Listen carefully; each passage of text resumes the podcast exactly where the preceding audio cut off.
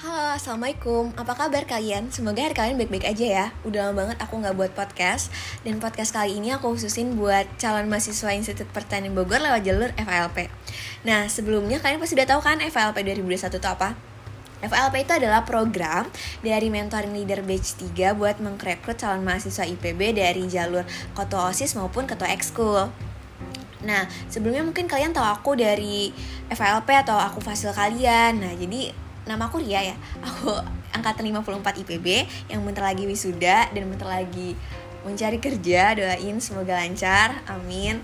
Dan uh, di sini aku bakal ngejelasin kalian kenapa kalian harus masuk IPB sebenarnya enggak sih. Sebenarnya mungkin kalian uh, mau masuk di universitas mana. Cuma di sini aku tekanin kalau FLP ini dibuka tahun ini dan ini untuk pertama kalinya aku nggak tahu entah nantinya bakal ada juga program FALP atau enggak. Jadi menurut aku kalau kalian ketua osis atau kalian ketua ekskul ini kesempatan kalian kalau kalian daftar. Karena kesempatan mungkin nggak datang dua kali jadi kalian coba aja. Mungkin yang kalian bilang itu terburuk mungkin belum tentu itu terburuk buat kalian ya kan? Karena aku pun juga dulu kayak gitu jadi aku masuk IPB tuh sebenarnya aku nggak interest buat masuk IPB sama aja kalian sama aja aku kayak kalian misalkan kalian ah IPB aku kan mau masuk Akpol, aku kan mau masuk UGM, ITB atau aku mau masuk sekolah ikatan dinas ya aku sama aja kayak kalian dulu gitu. Yang ragu-ragu buat masuk IPB. Cuma kalian di sini harus tahu kalau kalian mau masuk sekolah-sekolah keinginan kalian yang sangat tinggi itu itu butuh yang namanya perjuangan. Juga juga kalian juga harus tahu peserta yang buat daftar itu banyak banget. Jadi menurut aku kalian harus cari peluang-peluang yang uh, peluang itu sedikit gitu persaingannya. Jadi mumpung kalian itu dapat kesempatan gitu lewat jalur ketua osis atau ketua ekskul kalian daftarin aja. Jadi dulu tuh aku ikut aku masuk jalur undangan masuk undangan seleksi masuk IPB tahun 2017 atau USMI jadi aku nggak perlu tes aku cuma nyerahin nilai rapot aku aja. Cuma pada saat itu emang aku nggak kurang tertarik. Emang karena aku pengen banget masuk sekolah ikatan dinas. Bahkan aku tahun pertama dan tahun kedua pun aku tetap ikut uh, seleksi sekolah ikatan dinas. Terbengkalai nggak sih kak kuliahnya kalau kayak gitu?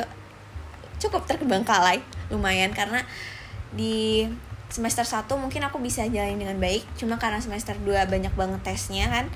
Uh, karena kan di sekolah lain entah kalian mau nantinya tahun kedua ikut SBM lagi atau ikut seleksi ikatan dinas akpol dan lain sebagainya kalian butuh persiapan. Karena biasanya persiapan atau jadwal tesnya itu bentrok sama matkul kalian. Jadi ya kalian harus pinter-pinter aja tuh gimana. Karena dulu juga aku bahkan nggak ikut uas atau UTS uas dia aku nggak ikut uas jadi nilai aku kosong pada saat itu. Tapi tenang aja hidup kalian nggak akan berakhir sampai di situ kok. Karena ada IPB jadi jangan nantinya kalau misalkan kalian jenuh di IPB jangan jangan pernah ngerasa kalian sendiri. Nah lanjut ya. Jadi curcol kan tuh. Jadi pas aku tingkat kedua aku tahu aku gagal lagi masuk ke ikatan dinas di situ aku langsung mikir nih berarti aku nggak boleh dong jadi mahasiswa kupu-kupu karena dua tahun ke depan aku masih harus jadi mahasiswa IPB aku harus tetap semangat. Karena ya kalian pasti sedih dong orang tua kalian udah ngasih kalian biaya buat kuliah tapi kalian um, um, apa ya nggak semaksimal mungkin gitu dalam mengerjakan perkuliahan. Nah tips aku adalah kalian biar kalian nggak bosan kalian bisa banget ikut yang namanya organisasi terus leadership program dari IPB karena IPB sendiri menyediakan banyak banget fasilitas-fasilitas yang ngebuat kalian terupgrade dirinya jadi yang pertama itu ada yang namanya rumah kepemimpinan yang nanti kalian kalau jadi masuk IPB ya. Nah rumah kepemimpinan sendiri itu kalian nanti nggak usah perlu ngekos. Oh ya IPB tahun pertama tuh juga dia satu ada asrama. Jadi kalian diwajibkan untuk asrama satu tahun. Kemudian tahun kedua tahun ketiganya itu kalian bebas memilih kos-kosan masing-masing. Nah kalau kalian pengen tetap asrama kalian bisa coba di rumah kepemimpinan atau asrama asrama IPB itu juga ada. Jadi kalau di vokasi itu ada yang namanya asrama putra putri. Kalau di IPB sendiri aku kurang eh kalau S1 sendiri aku kurang tahu cuma ada rumah kepemimpinan dan itu ada beberapa seleksi yang harus kalian ikutin. dan kalau misalkan kalian ah males ah kak organisasi gitu dulu di SMA udah organisasi gitu udah capek gitu nggak apa-apa kalian nggak ikut gitu kalian juga bisa dapat pengalaman yang setara sama kalian ikut organisasi lewat kegiatan-kegiatan kayak volunteer atau internship jadi oprek-oprek gitu jadi biasanya uh, ormawa atau himpunan di IPB tuh bakal ngadain yang namanya oprek di setiap kegiatannya gitu. Aku pun juga gitu, aku dulu ikut cuma beberapa, cuma dua kalau nggak salah yang himpunan gitu. Selebihnya aku ikut yang jangka pendek itu. Karena kalau misalkan organisasi kalian kan harus mengerjakannya itu kan satu periode ya. Nah satu periode kan biasanya sekitar enam bulan atau satu tahun kan sama periode itu berlangsung. Jadi amanah kalian uh, sepanjang itu. Tapi kalau kalian mau dua hari bahkan cuma sehari atau bisa dua bulan itu kalian bisa banget gitu. Ikut volunteer. Nah, habis itu, habis di organisasi, PP juga punya yang namanya program-program main kayak yang tadi uh, leadership programnya. Kalian bisa cari-cari tahu aja tuh kalian. Karena kalau kalian nggak cari-cari tahu, ya kalian nggak bakal tahu karena biasanya info-info kayak gitu tuh terbatas gitu didapatnya. Nah waktu aku waktu dulu tuh aku ikut namanya sekolah kepemimpinan. Nah sekolah kepemimpinan itu program uh, jadi ngadain gitu senior senior yang udah emang bertalenta dan sangat keren keren lah pokoknya kayak ketua bem seluruh Indonesia ataupun uh, mahasiswa exchange dan mapres mahasiswa berprestasi tingkat nasional ataupun tingkat IPB itu mereka bakal uh, mempresentasikan kehidupan mereka. Jadi setiap minggu eh setiap minggu atau setiap bulannya tuh selalu didatengin narasumber yang beda-beda. Terus mereka kayak ngasih coaching ke kita gitu tentang tips and trick ngejar impian kalian life kalian bakal diajarin life plan gitu. Jadi hidup kalian nanti di IPB itu nggak bakal stuck karena dari awal kalian masuk aja kalian nanti bakal tahu strukturnya kalian nanti dibuat life plan 5 tahun ke depan 10 tahun ke depan nah kayak gitu. Terus kalau misalkan kalian tingkat akhir nih atau fresh graduate atau alumni muda kalian bisa banget ikut. Kayak aku gini mentoring leader jadi mentoring leader itu wadah yang program dari himpunan alumni IPB kalian bisa kepoin tuh alumni alumni IPB siapa aja yang keren keren banget. Jadi IPB sendiri e, banyak yang melahirkan seorang pemimpin-pemimpin bangsa yang keren-keren.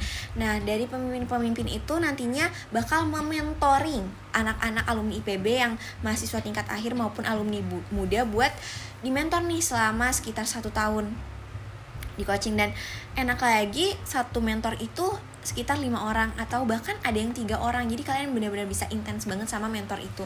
Kalian bakal dapat insight dan bakal ada satu hari bersama mentor programnya tuh banyak banget. Nah habis itu hmm, kalian juga bakal dapet banyak banget pengalaman seru uh, di IPB jadi nggak usah khawatir kalau misalkan kalian nantinya nggak suka nanti karena kalian nanti juga bakal terbiasa dengan apa ya budayanya IPB karena dulu aku juga sama kok kalau misalnya kalian belum serak sama IPB dulu juga aku juga belum serak. Cuma banyak banget IPB banyak banget nolong aku terutama kayak oh ya aku cerita sedikit tentang Golden Pass ya. Jadi sebelumnya tuh aku juga nggak tahu dulu waktu tahun 2017 aku pernah uh, punya percakapan sama dulu senior di ikatan dinas gitu yang dia dulu pernah punya Golden Pass cuma nggak diambil karena dia dapat ikatan dinas. Dan dan Golden Pass dia tuh lewat Olimpiade. Nah jadi kalian tuh udah keren banget ya enak banget kalian nggak perlu ikut olimpiade tapi kalian bisa dapat golden pass dengan cara kalian ikut FALP jadi ikut program kepemimpinan itu udah nilai plus banget ya kalau kalian emang passionnya di kepemimpinan pasti gampang banget buat ngejalanin tahap-tahapannya.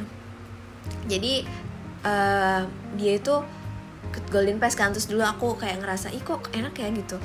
Uh, eh, dapat golden pass dan ternyata alhamdulillahnya IPB sekarang adain juga golden pass. Terus buat anaknya di PB juga exchange-nya juga. Dia tuh punya banyak kesempatan banget kalian kalau mau exchange.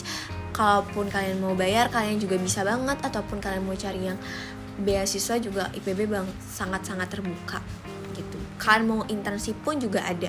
Jadi peluangnya itu besar sih kalau menurut aku di IPB. Jadi jangan khawatir buat kalian yang masih ragu, dicoba aja. Oke? Okay? Gitu aja dari aku. Terima kasih.